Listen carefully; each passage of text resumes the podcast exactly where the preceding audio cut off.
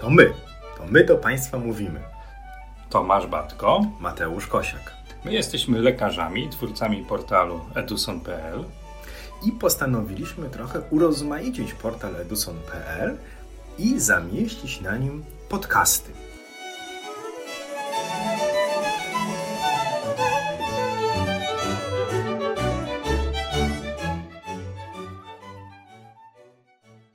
Dzień dobry naszym drogim słuchaczom. Dzień dobry. Tomku, stawiam sprawę prosto i konkretnie.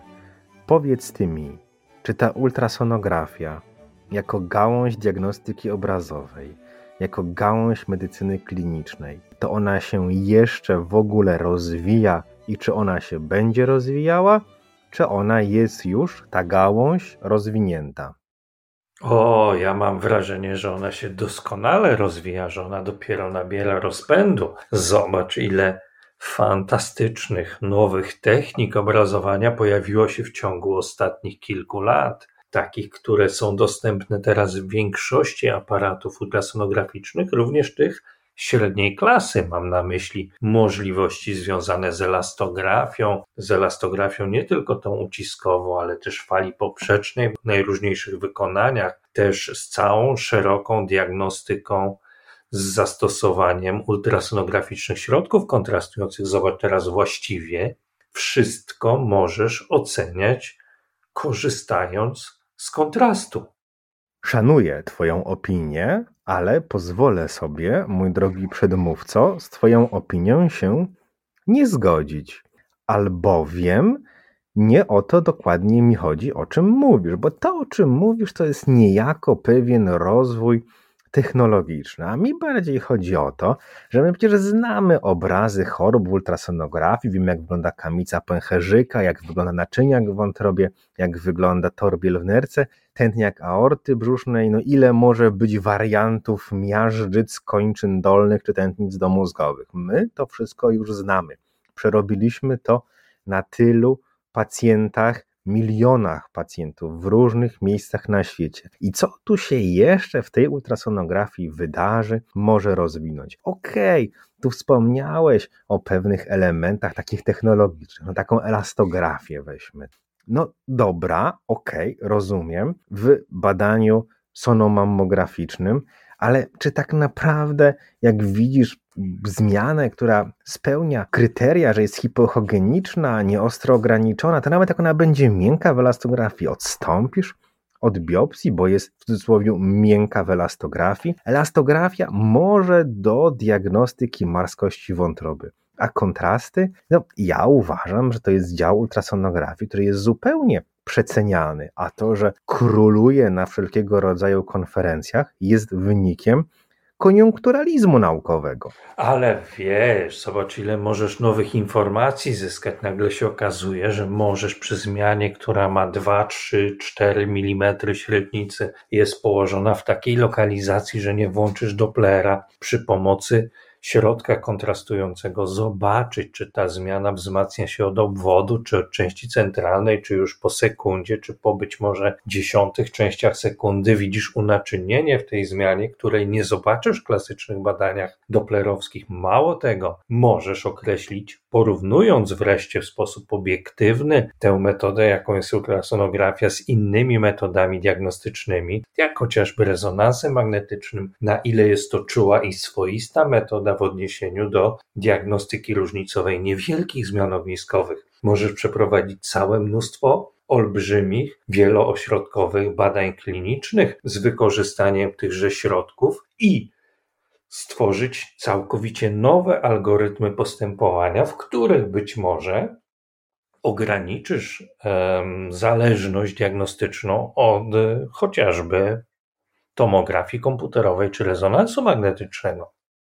Właśnie ten kierunek, o którym teraz mówisz, ja nazywam koniunkturalizmem naukowym, bo jedna rzecz to rozwój nauki, a druga rzecz to koniunkturalizm naukowy. A mianowicie koniunkturalizm naukowy polega na tym, że jest interes mierzony w punktach impact faktorowych, które się zdobywa. No bo No ale wiesz, dzięki temu możesz tak naprawdę napisać kilka ciekawych prac naukowych, możesz uzyskać kolejne tytuły medyczne, możesz posunąć do przodu rozwój jakiejś części diagnostyki ultrasonograficznej możesz wykazać, że ta zapomniana ultrasonografia w wielu dziedzinach nabiera nowego wymiaru, nowego rozpędu, że jest sens rozwoju technologicznego aparatów USG i jest powód ku temu, żebyśmy wszyscy uczyli się ultrasonografii z użyciem środków kontrastujących, żeby te moduły były dostępne również w tych podstawowych aparatach ultrasonograficznych, a nie tylko tych klasy premium.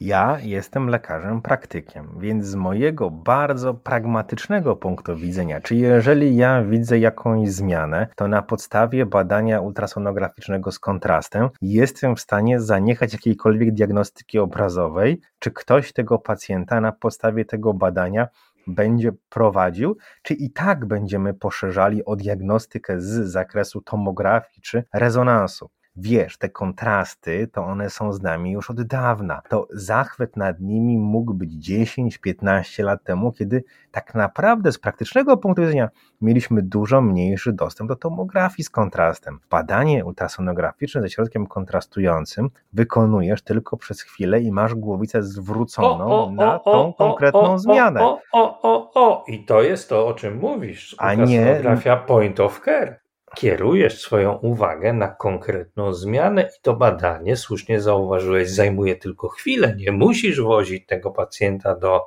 zakładu radiologii, gdzie masz rezonans dostępny. Nie musisz wykonywać długotrwającego badania, które wiąże się z potem jeszcze z dodatkową obróbką tego obrazu, z oceną w różnych płaszczyznach i wymiarach. A tu właściwie pstryk, trochę kontrastu w żyłę i wiesz wszystko w ciągu 5-10 sekund. Prawda z przedrostkiem guzik, tak zwana guzik prawda, bo wiem tylko to, co jest w danym miejscu, gdzie trzymałem głowicę. Ale po co ci więcej, jeżeli wykażesz, że to jest czułe, że to jest skuteczne, że wiesz o tym dużo więcej, o tej zmianie, no to wtedy właściwie się okaże, że to badanie, którym jest rezonans, że ta biopsja, że to wszystko, to psu na budę, to ty tak naprawdę już o tym wszystkim wiedziałeś, bo zrobiłeś to badanie.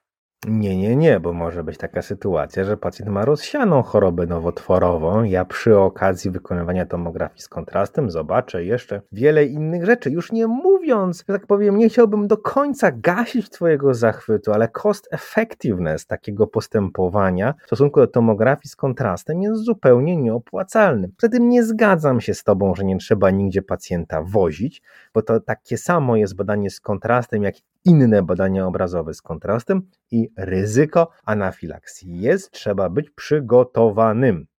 No dobrze, ale jakie ryzyko wiąże się z podaniem środków kontrastujących stosowanych w tomografii komputerowej czy w rezonansie magnetycznym? Ono też jest olbrzymie. Tam też musisz Dla tego pacjenta ryzyko jest 50%. Albo będzie, albo nie będzie. No i zobacz, a jeszcze do tego musisz w wielu sytuacjach tego pacjenta znieczulić, musisz go gdzieś dowieść, musisz całą tą procedurę diagnostyczno-terapeutyczną ruszyć w taki sposób, żeby spożytkować to we właściwy sposób. A tu w zaciszu gabinetu gabinetu USG robisz coś, co właściwie może się okazać taką, takim milowym krokiem w rozwoju technologii, w rozwoju diagnostyki i tak dalej.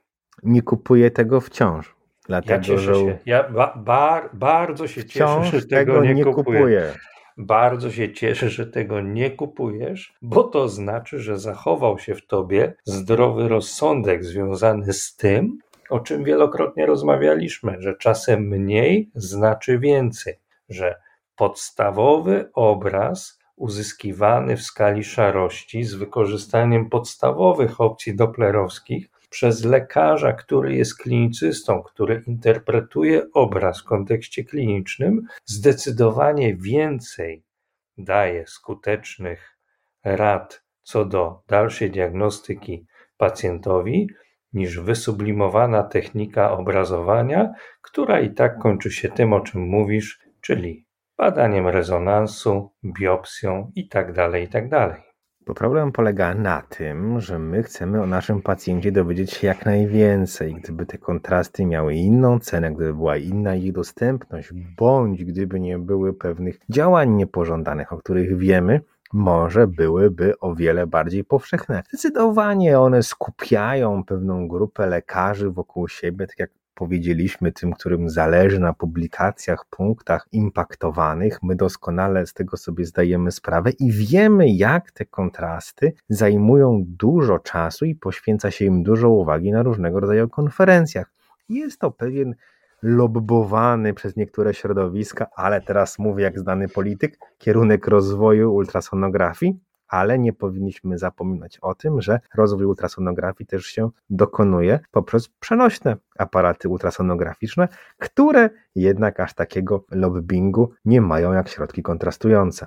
No bo nie ma rozwoju nowoczesnej ultrasonografii bez rozwoju osobistego lekarzy, bez rozwoju najlepszego, najcenniejszego diagnostycznie obrazu, jakim jest obraz skali szarości. I to zawsze będzie podstawa diagnostyki ultrasonograficznej, jakiejkolwiek diagnostyki obrazowej. Podstawowe metody oceniane w kontekście klinicznym z dużą dozą doświadczenia tego, kto to badanie wykonuje. Bo badanie przenośnymi głowicami ultrasonograficznymi zmienia nasze patrzenie na ultrasonografię. Ono niejako rozwija nasze badanie przedmiotowe. Poza tym może być taka sytuacja, że takie badanie wykonasz osobie, która nie ma szansy na inne, na inne jakiekolwiek badanie obrazowe. Już nie robimy żadnej gradacji pomiędzy rentgenem, tomografią a rezonansem. Tu mówię o pacjentach, którzy są osobami leżącymi, starszymi, powiem więcej, mieszkającymi gdzieś na wsi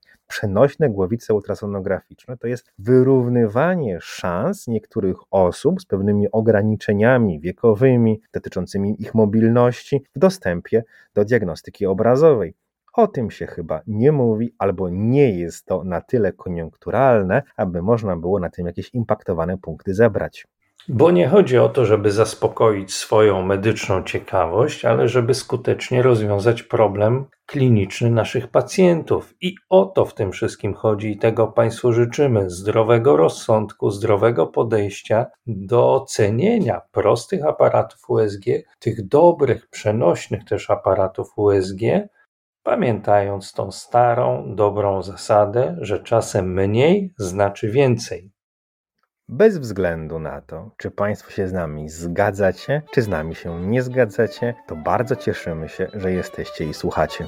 Do usłyszenia. Do usłyszenia.